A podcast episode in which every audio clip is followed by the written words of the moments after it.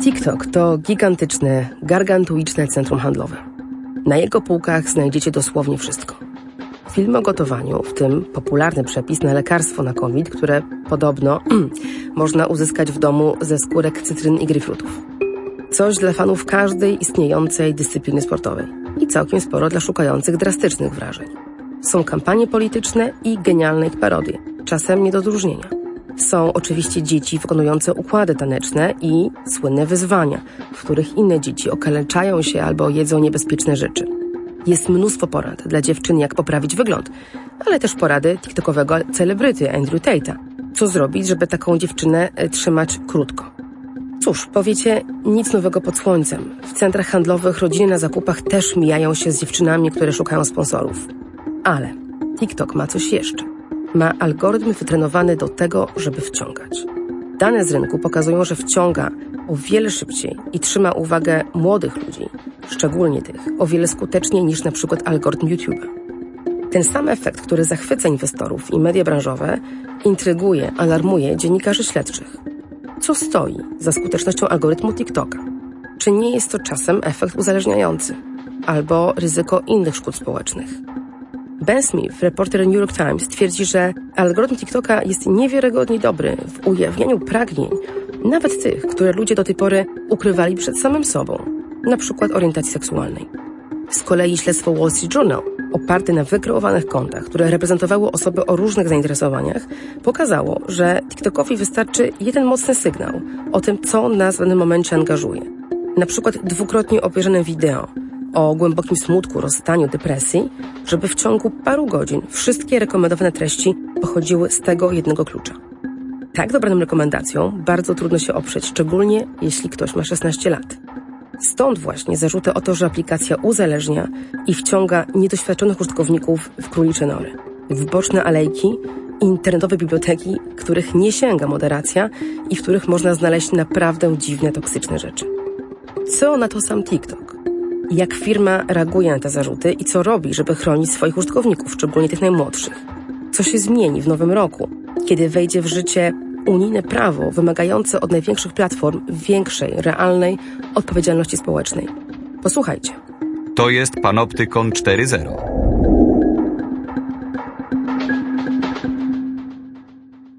Przy mikrofonie Katarzyna Szymilewicz, nieco zachrypnięta. Witam Was w podcaście Panoptykon 4.0. W tym odcinku gości Jakub Olek, szef relacji z partnerami publicznymi na Europę Środkową i Wschodnią w firmie TikTok. Cześć, dziękuję, że zgodziłeś się porozmawiać. Cześć, bardzo mi miło. To musi być gorący czas w branży mediów społecznościowych. Ja myślę, że to już od e, dłuższego czasu jest gorący czas, ale rzeczywiście coraz więcej się dzieje. Podobno macie w TikToku najlepszy algorytm, którego skuteczność w rekomendowaniu treści bije na głowę konkurencję i stąd takie, a inne statystyki, czyli wyraźny odpływ szczególnie młodych ludzi właśnie na TikToka z takich starych już kanałów jak YouTube. Tak, TikTok to jest, e, to jest rzeczywiście aplikacja, która robi e, dużą furorę e, w dzisiejszych czasach i rzeczywiście za to odpowiedzialny jest ten mechanizm funkcjonowania platformy. TikTok to jest przede wszystkim platforma rozrywkowa, entertainmentowa, tak? Czyli troszkę coś innego w stosunku do tych, tak jak powiedziałaś, już starych, zastanych firm technologicznych. Wszystko opiera się na tym doświadczeniu, które mamy w TikToku, czyli E, kiedy otwieramy aplikację, no to, to mamy pełny ekran, mamy dźwięk. Ona natychmiast nas pochłania, angażuje. Atakuje. Szukałam lepszego słowa, ale ja tak to odbieram, tak, tak że od tak, razu tak. jestem wciągana w konkretne wideo. Tak, to znaczy to, co do czego na pewno się oboje zgodzimy, no to to, że TikToka nie można używać e, w taki sposób, jak się używało tych poprzednich, czy tych wcześniejszych e, platform, czyli e, w takiej formie scrollowania w międzyczasie. Czyli... Albo wyszukiwania po słowach kluczowych? Na przykład, chociaż u nas też dużo tego wyszukiwania rzeczywiście po hashtagach po hashtagach jest, ale naturą tej platformy rozrywkowej jest to, że po prostu rezerwujesz sobie jakąś ilość czasu na to, żeby się rozerwać, dobrze poczuć i się dobrze bawić po prostu. 75% osób według naszych badań na platformę właśnie po to przychodzi. Przychodzi po, po rozrywkę, tam 60 parę procent to jest, to są jeszcze osoby, które chcą odkrywać nowych rzeczy, czyli nie wchodzimy tam po to, żeby sprawdzać, co się dzieje u znajomych, czy ktoś skomentował naszego posta. Albo co słychać w newsach, w polityce, po to też nie? Też nie, też nie. Rzeczywiście jest tak, że, że chcemy zachować naturę TikToka jako platformy rozrywkowej, jako miejsca różnorodnego, inkluzywnego, takiego, gdzie mamy swobodę kreatywnej ekspresji. No i polityka nie do końca e, w tym pomaga. Wiemy, że polityka jest polaryzująca, dlatego właśnie mamy te zasady naszej e, społeczności określone w taki sposób, że nie można tworzyć reklam e, politycznych, one nie zostaną przez nas akceptowane, nie można tworzyć kampanii fundraisingowych, czy też jakby ta możliwość monetyzacji kont polityków jest, jest dla nich wyłączona. To ciekawe, że o tym wspomniałeś, bo teraz mamy okres wyborczy. Dopiero co odbyły się tak zwane midtermsy mm, e, w Stanach Zjednoczonych, gdzie zawsze wokół tego robi się gorąco i spotkałam się z, e, z badaniem, z eksperymentem e, któregoś z amerykańskich mediów, bodajże Obserwera, potwierdzającego, że właśnie treści dotyczące niepartyjne, czyli, czyli niebrandowane partyjnie treści influencerskie dotyczące wyborów były ich zasięgi były zbijane. Mhm. To, to byłby jeden z przykładów tego, o czym, o czym mówisz. Platforma nie do końca chce, żeby taka debata toczyła się. To nie jest tak, że my w jakiś aktywny sposób wpływamy na ten e, algorytm. To jest tak, że te treści są tworzone przez użytkowników i też interakcja z tymi treściami przez użytkowników wpływa na to, jakie treści później są e, najchętniej oglądane. No to, to właśnie nad tym się chwilę zatrzymajmy, bo to jest to, co w śledztwach dziennikarskich powraca jako zarzut, a z kolei w mediach branżowych jako zaleta, mhm. E, czyli że TikTok tym się właśnie różni od e, starszej generacji mediów społecznościowych, że, że w o wiele mniejszym stopniu uwzględnia relacje z ludźmi, pozwala, z tego to się orientuje, obserwować konkretne konta i można sobie tego typu feed wyświetlić, ale jest on o wiele mniej popularny niż ten, o którym mówisz, czyli taki, który w 100% niemalże, czy też 99 polega na treściach rekomendowanych. E, I tutaj e, trafiłam na kilka śledztw dziennikarskich, e, z których wynikało, że no w ciągu paru godzin takie konta testowe tworzone przez dziennikarzy, które były bardzo wyraźnie profilowane, czyli konto, któremu nadano konkretne cechy, mhm. oczywiście nie ujawniane w żaden sposób wyraźny mm, aplikacji. Ktoś jakiś bot, jeden z botów szukał sportu, inny z botów szukał mhm. zwierząt, inny szukał treści melancholijnych, smutnych, bo był smutny, melancholijny i okazywało się, że w bardzo krótkim czasie ten e, system rekomendacyjny perfekcyjnie wyłapywał e, tę orientację e, testującego system bota i wciągał go w treści o tej, a nie innej specyfice. Podobne doświadczenia miała nasza testerka, która też powiedziała mi, że zajęło, że zajęło mnie niż dwie godziny mhm. E, jej, żeby wejść w tego typu, no mówi się o tym czasami rabbit hole, czyli mhm. taki wąski kanał, w którym treści są bardzo zbliżone tematycznie, w dodatku coraz mocniej angażujące, tak, mhm. tak, tak bym to nazwała.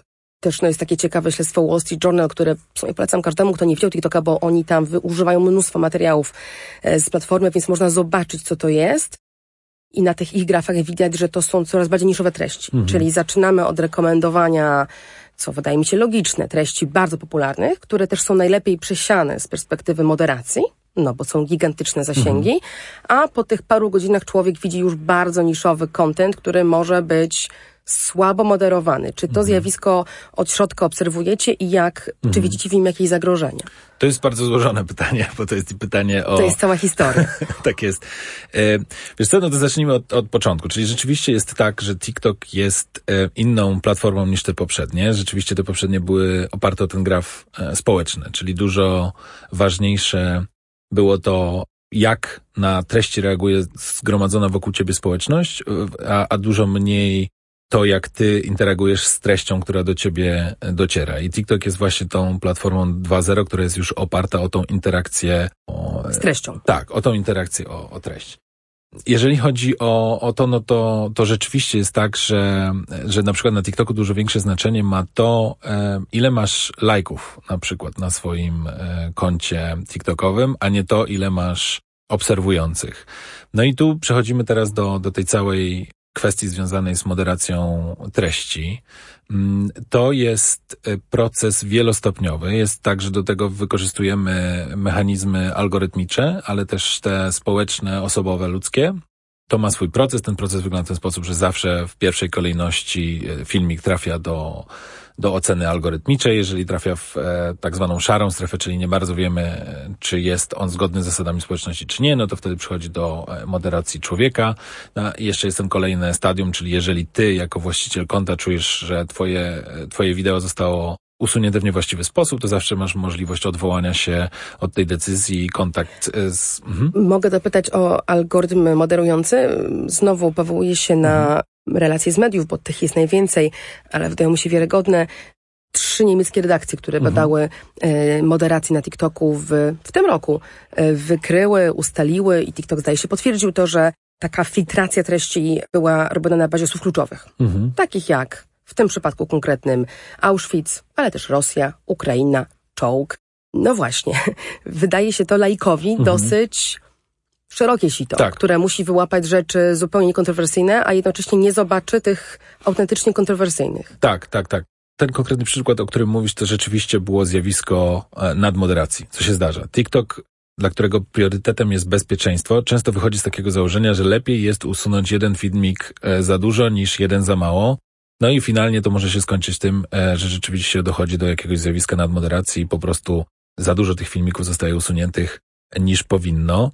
E, to, o czym musimy pamiętać, to to, że wiesz, wszyscy teraz, mam wrażenie, w, tej branży, i tu mam e, na myśli wszystkich aktorów to zaangażowanych, czyli platformy technologiczne, regulatorzy, NGOsy, wszyscy jesteśmy w takim mocnym etapie zbiorowego uczenia się. I my też się uczymy i na takich przykładach, jak których mówisz, też wyciągamy swoje wnioski. To, co też jest tutaj warte, myślę, zauważenia, to to, że te wszystkie testy dziennikarskie, o których mówisz, one opierają się o sztucznie wykreowane zachowanie użytkownika. I jednak, wydaje mi się, jest duża różnica pomiędzy tym sztucznie wykreowanym, wiesz, takim założeniem, z jakim ja wchodzę na platformę. Laboratoryjnym tak, założeniem. dokładnie. Versus jednak naturalnymi, naturalnymi zachowaniami użytkownika, który nie przychodzi... Jest mniej przewidywalny niż bot? No właśnie mi się wydaje, że jest dużo mniej e, przewidywalne niż bot, bo ono jest po prostu naturalne. To jest tak, że każdy przychodzi z innym założeniem, tak jak ci powiedziałem, czyli 75% e, to jest rozrywka, tak? Czyli ja sobie przeglądam te filmiki, interaguję z nimi i i jestem tam po to, żeby się rozrywać. Jeżeli widzę coś, co, co, co zaczyna mnie kierować w stronę, która już nie jest dla mnie rozrywką albo nie jest poznawaniem czegoś nowego, no to ja mogę zgłosić ten filmik, mogę go pominąć, mogę przejść do, do następnego. No ale to poczekaj, bo tak łatwo e, z tego, z tego zarzutu nie uciekniesz. Jednak te zarzuty są zarzuty wciągania ludzi w, w te królicze nory, czy też w bardzo niebezpieczne alejki owej gigantycznej biblioteki, jaką jest e, TikTok. One e, pochodzą nie tylko od dziennikarzy, którzy to testowali na botach, ale też od samych użytkowników, czy też ludzi. Filmików na samym TikToku, który przywołuje Wall Street Journal, takich testimonies, takich mm -hmm. zeznań osób, -hmm. które doświadczyły tego, jest mnóstwo. Nasza testerka też jest osobą, która doświadczała tego efektu. I teraz jest coś, co my, Panoptykon, badamy od dawna na innych platformach, więc nie jest to absolutnie zarzut, mm -hmm. to mhm. mówię z przykrością, specyficzny, tak, dla żadnej mhm. aplikacji. To jest raczej zarzut w ogóle pod adresem systemów rekomendacyjnych i tego, jak one działają. Czyli jeśli coś ma angażować za wszelką cenę, i o to za chwilę Cię dopytam, czy tak jest na TikToku, to cena może być wysoka psychologicznie, czyli to ja klikam, to jest jasne, mhm. ale to, czy ja klikam w treści dla mnie samej toksyczne, niebezpieczne, smucące mnie, narażające mnie na szkodę psychiczną, czy nawet fizyczną, tak jak pewne wyzwania niebezpieczne, których jednak trochę na TikToku było lub mhm. być może nadal jest, to do pewnego stopnia to jest moja aktywność, ale do pewnego stopnia jest to też odpowiedzialność tego algorytmu, który mi to właśnie podsuwa. I, i to zjawisko no, narażania ludzi wrażliwych na to, vulnerable, takich, którzy są mhm, podatni, -hmm, o, to mhm. słowo, podatność. Wychwytywanie tych podatności, wręcz spotkałam się, to z kolei New York Times ma taki bogaty reportaż na ten temat, w którym pojawia się no, mocna teza, że algorytm TikToka jest bardzo dobry w wykrywaniu ukrytych pragnień ludzi, łącznie z tymi, których sami sobie nie uświadamiali. Mhm. Na przykład e, orientacji seksualnej, którą wybierali. I co z tym robimy? Mhm. Zostawiamy to na zasadzie niech się dzieje, skoro ludzie tak chcą, tak klikają, czy jednak firma widzi w tym pewne ryzyka społeczne i na nie jakoś odpowiada. Mhm. Jasne, to jest tak, że e, chcemy, żeby nasza platforma była angażująca, rozrywkowa, bo, e, bo o to w TikToku chodzi. ale to idzie w parze z tym silnym przywiązaniem do bezpieczeństwa, tak? Czyli z jednej strony dbamy o to, żeby te treści były rozrywkowe, interesujące dla użytkowników, ale z drugiej strony jest ta cała infrastruktura bezpieczeństwa, o którą się opieramy. Tu poruszyłaś parę takich aspektów, które są związane z, z tym bezpieczeństwem TikToka.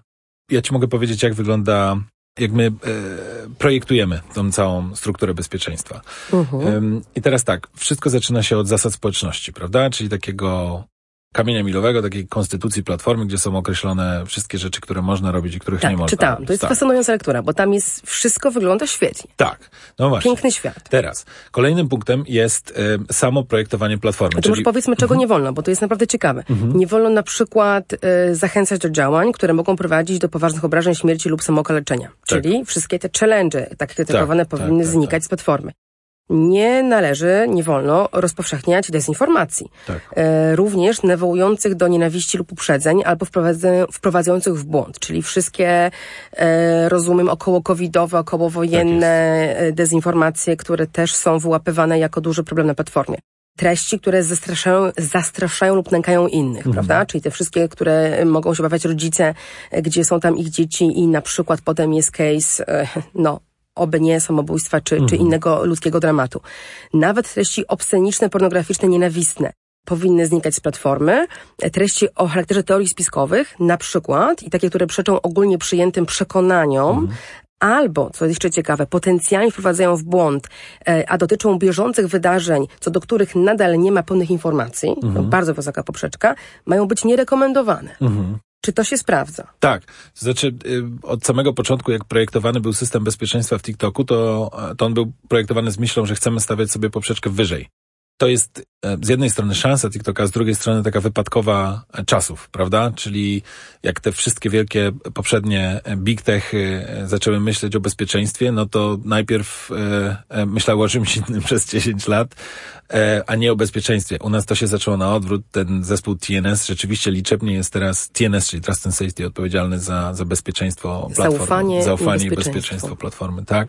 Jest rzeczywiście liczebnie e, największy i, i, i rzeczywiście to się sprawdza, bo stawiając wyżej poprzeczkę, wrazem z tymi e, kolejnymi elementami systemu bezpieczeństwa platformy, to się sprawdza, bo wiesz, poza e, zasadami społeczeństwa idą e, kolejne elementy, takie jak na przykład moderacja właśnie, która wynika z tych zasad. Ludzka moderacja. Ludzka moderacja, tak jest. I te zespoły zbudowane geograficznie, czyli tak, żeby te zespoły zawsze mówiły w lokalnych językach na przykład, tak?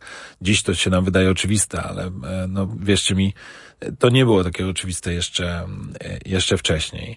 Kolejna rzecz, no to to są same te mechanizmy bezpieczeństwa wbudowane w platformę. E, W algorytm. E, w, tak, w algorytm i w też w e, experience użytkownika.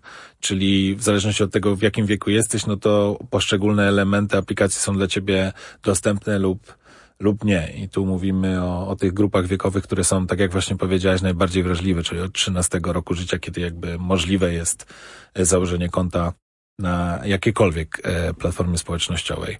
I co z nimi? Co dla nich jest inaczej? E, Jest tutaj na przykład widzisz, TikTok też, e, to co odróżnia TikToka od innych platform, to jest to, że my rozumiemy wpływ, jaki mamy na naszych użytkowników i musimy na to odpowiadać. I tutaj na przykład e, to bezpieczeństwo jest zaprojektowane w ten sposób, że rozumiemy różnicę, jaka jest pomiędzy młodymi osobami. To znaczy, nie można wrzucić do jednego worka ludzi od 13 roku życia do wzwyż, do 18 i dalej. Tu musimy to podzielić. I u nas jest tak, że osoby pomiędzy 13 a 15 rokiem życia mają inna, inne ustawienia i pomiędzy 15 a 17. I tych różnic jest naprawdę e, bardzo dużo i wiesz, mógłbym tutaj enumeratywnie wymieniać, wyciągnąć listę. Natomiast z takich najciekawszych, no to, no to na przykład to, że oczywiście ich konta wszystkie są defaultowo ustawiane na prywatne. Osoby pomiędzy 13 a 15, takie różnice pomiędzy tym, co mówiłem, czyli 13, 15, 15, 17, żeby, żeby to pokazać, to na przykład osoby od 13 do 15 roku życia nie mogą dostawać jakichkolwiek wiadomości, a osoby od 15 do 17 roku życia mają wybór, czy, czy nie będą dostawać wiadomości, czy będą dostawać wiadomości tylko od swoich znajomych. A jeśli chodzi o to, co, o co już zahaczyliśmy w rozmowie, czyli potencjał algorytmu we wciąganiu takiej młodej osoby, tu się zgadzamy, podatnej szczególnie w tym wieku na takie dramy, na Mhm. przykład rozstałam się, albo czuję się samotny, albo nie rozumiem świata, w którym żyję, jest Mhm. kryzys klimatyczny, są, jest wojna i wchodzę właśnie w taki kanał, wąski kanał, w którym mam tego coraz więcej i mój świat jeszcze bardziej przygasa, Tak. aż może do momentu jakiegoś załamania psychicznego. Czy to byłoby również coś, co uwzględniacie Tak. w inny sposób Tak. dla młodych ludzi? Tak, no to tu mam dla ciebie dwa przykłady. To jest tak, że do 16 roku życia, czyli jakby treści pochodzące od osób poniżej 16 roku życia nie są wrzucane w For You Feed, czyli dla ciebie.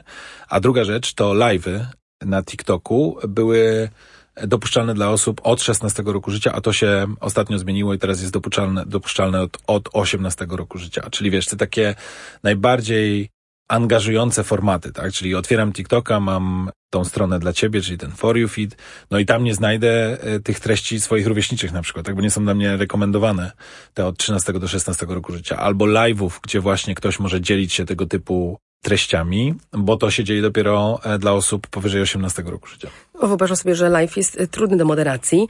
No właśnie, ale mówisz o, o, o moderacji. Ja przytoczyłam bardzo ambitną. Do tego w ogóle nie, temu nie przeczę i też nie zaprzeczam, nie mam do tego danych ani legitymacji, żeby mówić, że, że nie staracie się jako platforma tego efektu osiągnąć, ale czytam te różne materiały dziennikarskie, przygotowałam się do naszej rozmowy. I no, nie wygląda to jak sukces jeszcze, tak? Mówisz o uczeniu się. Dopiero co organizacja NewsGuard zajmująca się fact-checkingiem przeprowadziła swoje badanie na TikToku i wyszły im rzeczy no, poruszające. Dla tematów, które sobie wyznaczyli do tego badania, gdzie były wszystkie palące teraz ludzi rzeczy, inwazja e, Rosji na Ukrainę, w, USA y, i wybory, i strzelaniny w szkołach, y, COVID nadal ważny, szczególnie w kontekście szczepionkowym. E, No, w top 20 e, rekomendowanych treści, które ich testerzy znaleźli, było po kilka o gigantycznych zasięgach treści wprost dezinformujących w taki sposób no oczywisty na poziomie hashtagów, tak? Czyli jest pani, która gotuje sobie w kuchni słynne lekarstwo na COVID, które promował Donald Trump. E, Jest e, dziewczyna z Rosji, która mówi, że w Buczy to e, te ciała to były tam fejki, albo to Ukraińscy, Ukraińcy coś podrzucali. Jak to wyjaśnić? Jeżeli mamy ten system bezpieczeństwa, dlaczego on nie jest szczelny nadal? Jasne. Chodzi o to, że to jest za duże?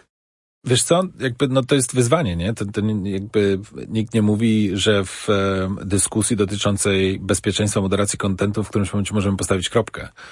To jest tak, że to jest e, bardzo żywy organizm. E, TikTok ma miliard użytkowników globalnie, ponad 100 milionów użytkowników w Europie, więc e, nie jesteśmy w stanie jeszcze dziś powiedzieć, że takie sytuacje nie będą się zdarzały. Natomiast jest też wiele pozytywnych rzeczy, które dzieją się na platformie i też, które są zauważone na zewnątrz, bo na przykład z dzisiaj jest raport Komisji Europejskiej, która robi takie testy na platformach społecznościowych o tym, jak platformy reagują na hate speech w ciągu 24 godzin i, i tam te wyniki spadły w przypadku innych platform i tylko TikToka wzrosły tam z 84 chyba na 92%. To jest jedna rzecz. Druga rzecz, jeżeli mówimy o, informa- o dezinformacji i wojnie na Ukrainie, no to to dziwię się o tym przykładzie, który, który wspomniałeś, czyli o rosyjskiej użytkownicy, no bo jakby oni nie mają teraz dostępu do TikToka, bo TikTok e, nie funkcjonuje w Rosji od 24 lutego. Natomiast y, jest taka instytucja, która się nazywa, teraz mogę poprzestawiać e, to, tę nazwę, ale chodzi o Strategic Communication of Excellence NATO e, w, e, w Rydze, oni się mieszczą na Łotwie. I oni z kolei przygotowują dla NATO taki raport o tym, jak media społecznościowe, rokrocznie, jak media społecznościowe radzą sobie z dezinformacją. I tam TikTok z kolei zaliczył progres z przedostatniego miejsca na drugie e, w, w tej grupie. A kto jest pierwszy, z ciekawości? A wiesz, że nie wiem. Jasne. No, a propos tych e, pozytywnych rzeczy, znowu nie, nie mówię tego, co chcę powiedzieć, żeby, żeby temu przeczyć, tylko żeby pokazać, jak dalej, e, jak te wyzwania są gigantyczne. Z kolei Observer robił takie śledztwo, śledztwo, badanie, chyba lepsze słowo, wokół treści mizoginicznych, które Mhm. w którymś momencie wybuchły. Pojawił się taki no, gigantyczny celebryta TikTokowy, którego zablokowaliście, e, Andrew Tate. No ale on się, on pojawił się i nie zniknął, bo mnóstwo ludzi odwołuje się do jego treści, przywołuje kawałki jego, jego e, klipów i, i jego świetne, mówię to oczywiście ironicznie, Jasne. e, porady dla młodych mężczyzn, jak trzymać kobietę krótko. I to są znowu młodzi mężczyźni. Nie wiem, bo nie znam szczegółów tego badania, czy te konta były profilowane na bardzo młode, czy to są już ludzie 18+, plus, ale jednak znowu wyszło im to samo, że bardzo szybko ci testerzy dostawali te rekomendacje. E, Więc coś w tym systemie rekomendacyjnym musi być cały czas zaszyte takiego, że bardzo popularne treści e, na granicy polityki e, społeczności albo wprost ją łamiące przechodzą przez to sito. No właśnie to jest pytanie, czy to jest y, mechanizm rekomendacji, czy to jest kwestia moderacji? Bo jak się zastanowić nad y, tym, jak funkcjonuje moderacja w TikTok, to jest rzeczywiście tak, że są te zasady społeczności, których trzeba przestrzegać i treści mizoginistyczne y, to jest coś, co na co nie ma miejsca na platformie i co jest usuwane na bieżąco. Natomiast w momencie, kiedy pojawiają się filmiki o kimś i mówimy o na przykład, nie wiem, cytatach, tak, to tutaj to tutaj już się pojawia ta dwuznaczność do rozstrzygnięcia przez dużo mądrzejsze głowy niż, e, niż chyba my wszyscy w, w branży o tym, kiedy właśnie mówimy o, kiedy, kiedy, kiedy szerzymy hate speech, kiedy szerzymy mizoginię, a kiedy coś tylko cytujemy, kiedy naruszamy zasady społeczności, a kiedy nie. E, No tak, który, z, która z osób, które taką kreację wrzuca jest fanem i wspiera, a która krytykuje. o, o tym mówisz, no tak? Właśnie. Wiesz, mieliśmy taką sytuację, na przykład tu się, wiesz, uderzę w pierś i szczerze przyznam, była taka sytuacja na TikToku, kiedy usunęliśmy filmik e, z wykładem e, profesora Jerzego Bralczyka, który użył słowa, które jest uznawane jako słowo obelżywe, natomiast zrobił to oczywiście w formie cytatu.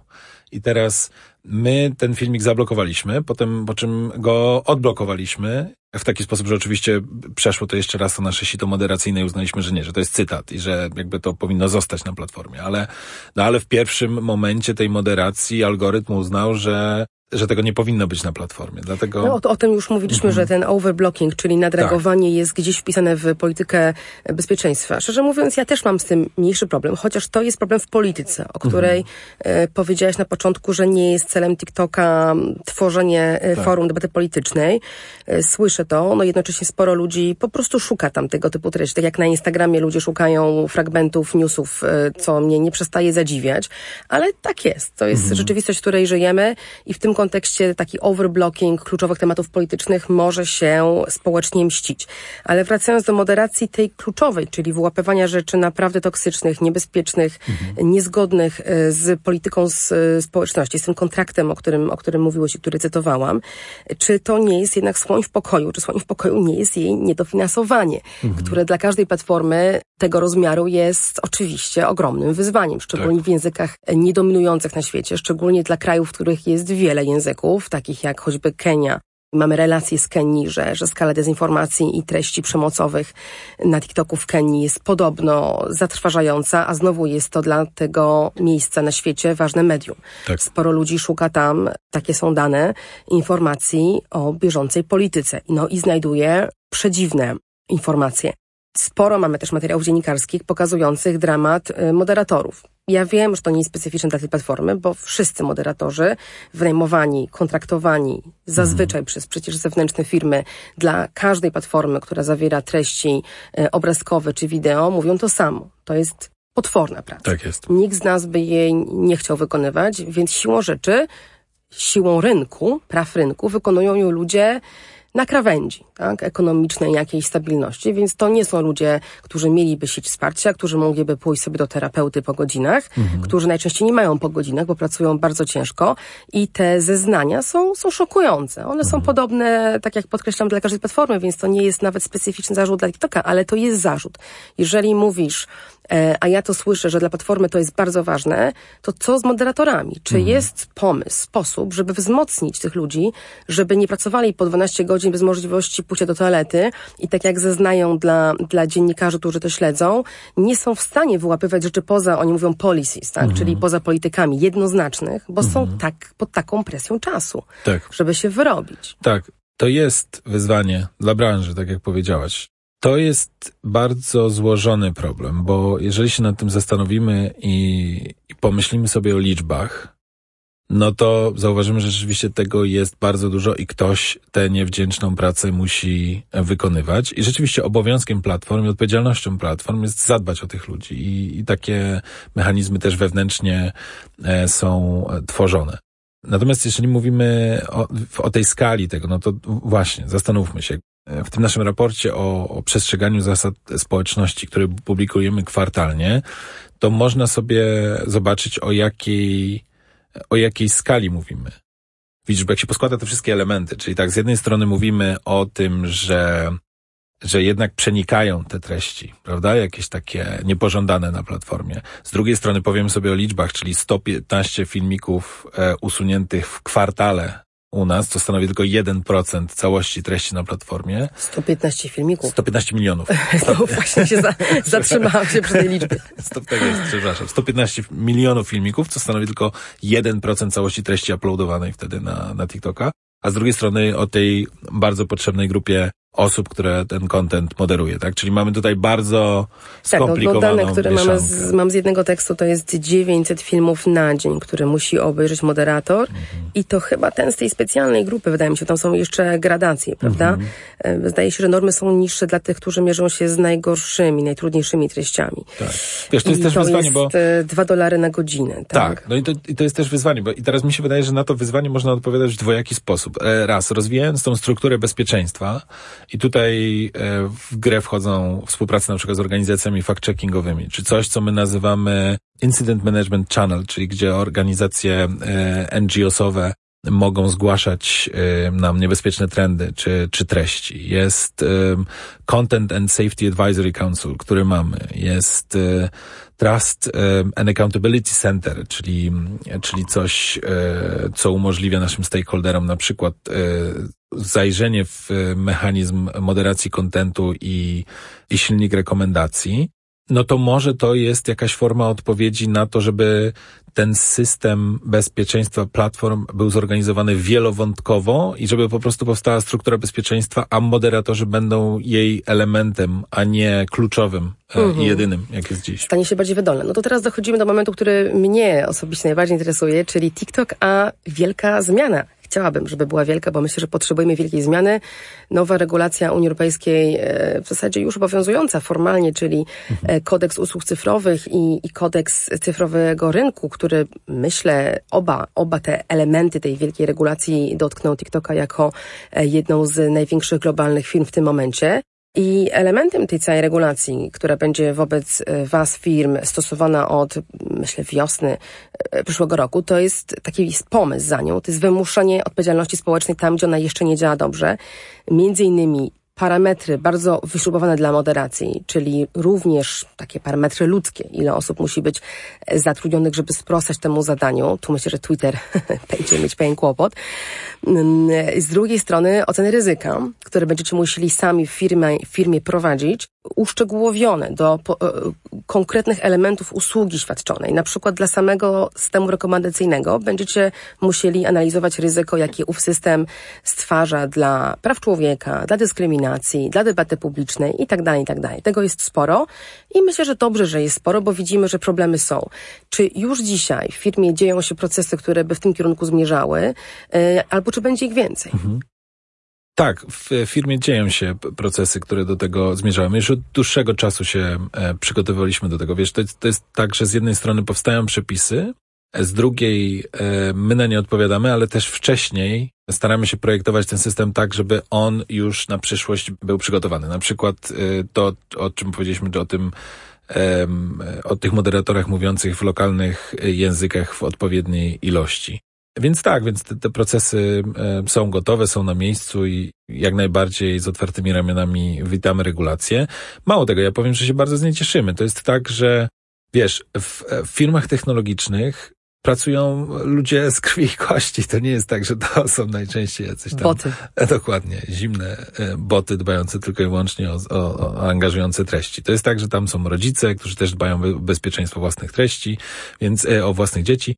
Jest też tak, że kiedy przychodzi taka regulacja, która tobie jako pracownikowi firmy technologicznej mówi, jak oceniać też, e, czy jak walidować pewnie czasem sprzeczne interesy, jak na przykład wolność wypowiedzi, wolność ekspresji, a, a wolność od nienaruszania twoich dóbr osobistych, czy nie bycia krzywdzonym, obrażanym, prawda? Gdzie tu jest granica? Jakby ty jako e, firma technologiczna nie chcesz być tym, który to musi oceniać, więc w momencie, kiedy... I pewnie nie będziecie, no bo będą tu mechanizmy zewnętrzne wobec dokładnie, firmy, dokładnie. arbitrażowe. Więc mhm. im, im więcej tej struktury jest, im więcej e, tych wytycznych ze strony też e, regulatorów, która jest e, wynikiem całego tego procesu legislacyjnego uwzględnienia wszystkich aktorów, tym dla nas wszystkich lepiej.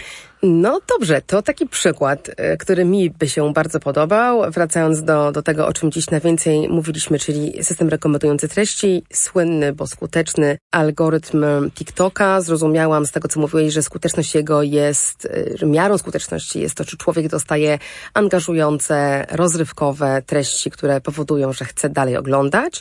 I przychodzi Komisja Europejska, która dostaje od Was ocenę ryzyka, z której wynika albo z audytu tej oceny ryzyka, bo takie coś też będzie działało, że no niestety angażowanie w taki sposób młodych ludzi jest dla nich niebezpieczne, bo oni powinni mieć na przykład koniec scrollowania na dany dzień, albo powinni mieć algorytm, który przestawia się po pewnej chwili i robi odwrotnie, czyli robi tak, żeby mniej angażować. Załóżmy, to byłby taki konkretny środek naprawczy, który potrafię sobie wyobrazić, wręcz umiem sobie wyobrazić wiele organizacji społecznych walczących o takie środki w przyszłym roku. I co wy na to? Dostajecie mhm. taką wytyczną pod groźbą dużej kary. Czy to jest do zrobienia? Czy to mhm. jednak, gdzie jest ta granica, do tego zmierzam, między modelem e, biznesowym firmy i społeczną odpowiedzialnością? Mhm. Jasne. Wiesz, z Komisją Europejską na szczęście nie jest tak, że ona nagle przychodzi i coś każe. To jest jednak y, instytucja, z którą toczy się debata już od lat w tym zakresie, w tym temacie, tak jak przywołałem te, na przykład te badania dotyczące hate speechu w ciągu 24 godzin. Więc rzeczywiście jest tak, że Komisja Europejska jest zaangażowana w ten proces i ona zna też te wszystkie rozwiązania, które po kolei tworzymy. Tak jak tu się odwołałaś do, do czasu ekranowego tak naprawdę, czyli że jest koniec scrollowania, no to my przedstawiliśmy taką propozycję, która e, jest w aplikacji, to jest mechanizm zarządzania czasem ekranowym, gdzie możesz sobie ustalić limit czasu dziennego w aplikacji, Masz też taki dashboard, który pokazuje ci, ile i jak tego czasu spędzasz. Jest też mechanizm parowania rodziny, czyli znowu dla tych najwrażliwszych, najmłodszych, gdzie rodzic może ustalić na przykład określony zakres treści, po którym dziecko, dziecko czy młodzieniec, no to już 13 Zakres się w sensie yy, treściowy, czas, treściowy, czy też czyli wyło- rodzaj treści? Yy, rodzaj treści, czyli wyłączyć po, po hashtagach określone rodzaje treści, których rodzic nie chce, żeby... Czyli tak, z jednej strony ograniczamy, ale z drugiej strony nie naruszamy też prywatności e, tej młodej osoby, w tym sensie, że ona się porusza w jakiejś tam ramie, w jakimś tam obrazie, w określonym czasie, i po określonych treściach, ale nie naruszamy też jego prywatności, prawda, jako, jako rodzic. I, I mam wrażenie, że Komisja Europejska, będąc z nami w tej dyskusji od jakiegoś czasu, widzi działania, które podejmujemy. My też dzielimy się na bieżąco wynikami tych działań, co działa, co nie, więc y, raczej nie będzie takiej sytuacji, że nagle Komisja Europejska out of the blue, jak to się mówi, przyjdzie z jakąś propozycją. Natomiast jeśli tak, no to oczywiście będziemy współpracować będziemy starali się do, dostosować nasze rozwiązania. No, out of the blue nie przyjdzie, ale po to pojawiły się oceny ryzyka w tym nowym prawie, żeby, mam poczucie, wyprzedzić działania sygnalistów. Czasami jest tak, że spędzamy pięć lat mówiąc o jakimś problemie. To akurat nie jest a propos TikToka, bo TikTok jest na to trochę jeszcze za, za młody, że to jest chłód w pokoju. Wszyscy o tym mówią, wszyscy ten problem widzą, ale nie ma danych. I nagle mhm. wyciekają dane ze środka firmy. Okazuje się, że firma widziała to dużo wcześniej. No surprise. I wtedy są no jest oburzenie, jest, jest, są konsekwencje prawne te oceny ryzyka, o których mówię, które pojawią się w przyszłym roku już pierwsze, mhm. mają e, temu zapobiegać i od ich rzetelności będzie zależała renoma firmy. Mhm. Jeżeli firma wypuści ocenę ryzyka dentą, w którą nikt nie uwierzy, będzie to inna dyskusja, myślę, również w Brukseli, niż kiedy sami e, powiecie jasno, co wy widzicie od środka. E, I myślę, że jedna z rzeczy, którą mamy w tym nowym prawie, czyli obowiązek dania każdemu użytkownikowi nieprofilowanego strumienia, która byłaby, wydaje mi się, w dokładnej kontrze do tego, jak działa dzisiaj TikTok, jest wynikiem tej refleksji. I jestem bardzo ciekawa, co zrobią z tym duże firmy. Czy dadzą nam chronologiczny jakiś, przepraszam, żyk, którego nikt nie będzie mógł strawić, czy pójdą tutaj innowacyjnie i na przykład powiedzą w porządku, mamy podatnego młodego użytkownika, który sam szuka innej opcji, bo czuje się zbyt wciągany w jakąś spiralę emocjonalną, klika sobie ten, to będzie opt-in, czyli to będzie dobrowolna, y, to będzie moja decyzja, że ja preferuję ten nieprofilowany i tam na przykład wybieram po hashtagu albo wybieram po jakimś innym kluczu, który firma respektuje. Czy ten kierunek jeszcze mieści się w modelu działania TikToka, czy to już byłoby zupełnie tak, nieopłacalne? tak, tak. My na przykład eksperymentowaliśmy i szczerze ci powiem, nie wiem na jakim to jest e, teraz etapie, ale eksperymentowaliśmy mocno z reset button, czyli takim przyciskiem w ustawieniach, który ci po prostu resetuje e, w e, mechanizm działania algorytmu. Więc e, to, o czym mówisz, jasne, to jest na naszym radarze i, i się do tego w jakiś sposób staramy odnieść. I znowu trochę wychodząc z tego założenia, o którym powiedziałem wcześniej, czyli widząc, jakie regulacje czy jakie trendy są, to staramy się na nie też jakby w ramach naszej platformy odpowiadać. E, I myślę, że ten reset, reset button jest takim, e, jest takim dobrym przykładem. To chyba w tym momencie powinnam zapytać, na czym zarabia TikTok, skoro ten model biznesowy jest tak pojemny. TikTok zarabia przede wszystkim na reklamach. I rzeczywiście jest tak, że nam zależy na tym, żeby te treści były jakościowe, bo mówiąc najprościej, TikTok nie będzie zarabiał pieniędzy na użytkownikach, którzy nie czują się dobrze z treściami, które tam widzą, które wprowadzają ich w zły stan psychiczny, a reklamodawcy nie będą chcieli na takiej, w te, takiej platformie proponować użytkownikom swoich treści. To ostatnia rzecz, jaka już mnie żywo, zawodowo interesuje, a o której kiedyś wspominałeś e, na innym naszym spotkaniu, e, możliwość udostępniania danych badaczom, niezależnym organizacjom społecznym, które mogłyby właśnie chcieć sprawdzić, na ile każda z dużych firm, bo to nie jest e, targetowany zarzut, że ktoś robi coś gorzej, a ktoś lepiej, zrobiła ten, ten audyt porządnie. I też trochę po to, żeby ci dziennikarze nie musieli z tymi swoimi botami tam siedzieć i klikać i eksperymentować, ale mogli zobaczyć duże statystyki, realne liczby z platformy. Czy tego typu mechanizm udostępnienia danych nie zupełnie publicznie każdemu do zabawy, ale ludziom, którzy mają wiedzę, potrafią je analizować, już pojawia Tak. się albo pojawi się. Tak, 17 listopada e, dokładnie ogłosiliśmy to, że szerujemy nasze API z grupą na początek researcherów, przedstawicieli akademickich i przedstawicieli społeczeństw e, obywatelskich. Oni będą mieli dostęp do tego, żeby badać e, treści na TikToku, raz, a dwa, moderację i ten silnik e, rekomendacyjny. To jest na początek taka grupa ograniczona, ze względu na to, żeby zobaczyć, jak to, jak to działa, jak to wychodzi, jakie będziemy mieli z tego wyniki. Ja uważam, że to jest dobre i to jest potrzebne i, i to też chyba w którymś momencie może być wymogiem właśnie jakichś tam przepisów regulacyjnych. Natomiast pamiętajmy, że z tym też wiążą się ryzyka, bo, bo wszyscy wiemy, od czego za, zaczął się e, kryzys Cambridge Analytica, prawda? Więc to też trzeba umieć e, robić w odpowiedni sposób. No, wykonaliśmy ten pierwszy krok. Zobaczymy, jak to pójdzie dalej. Badacze nie będą objęci klauzulami poufności. Będą mogli powiedzieć na zewnątrz, co znaleźli. Myślę, że tak. No dobrze, dobrze. Dziękuję Ci za rozmowę. Dużo dowiedziałam się. Myślę, że słuchający nas y, też y, uchyliliśmy, mam nadzieję, Wam słuchającym drzwi do tej platformy. Rzeczywiście innowacyjnej, zupełnie innej niż poprzednie.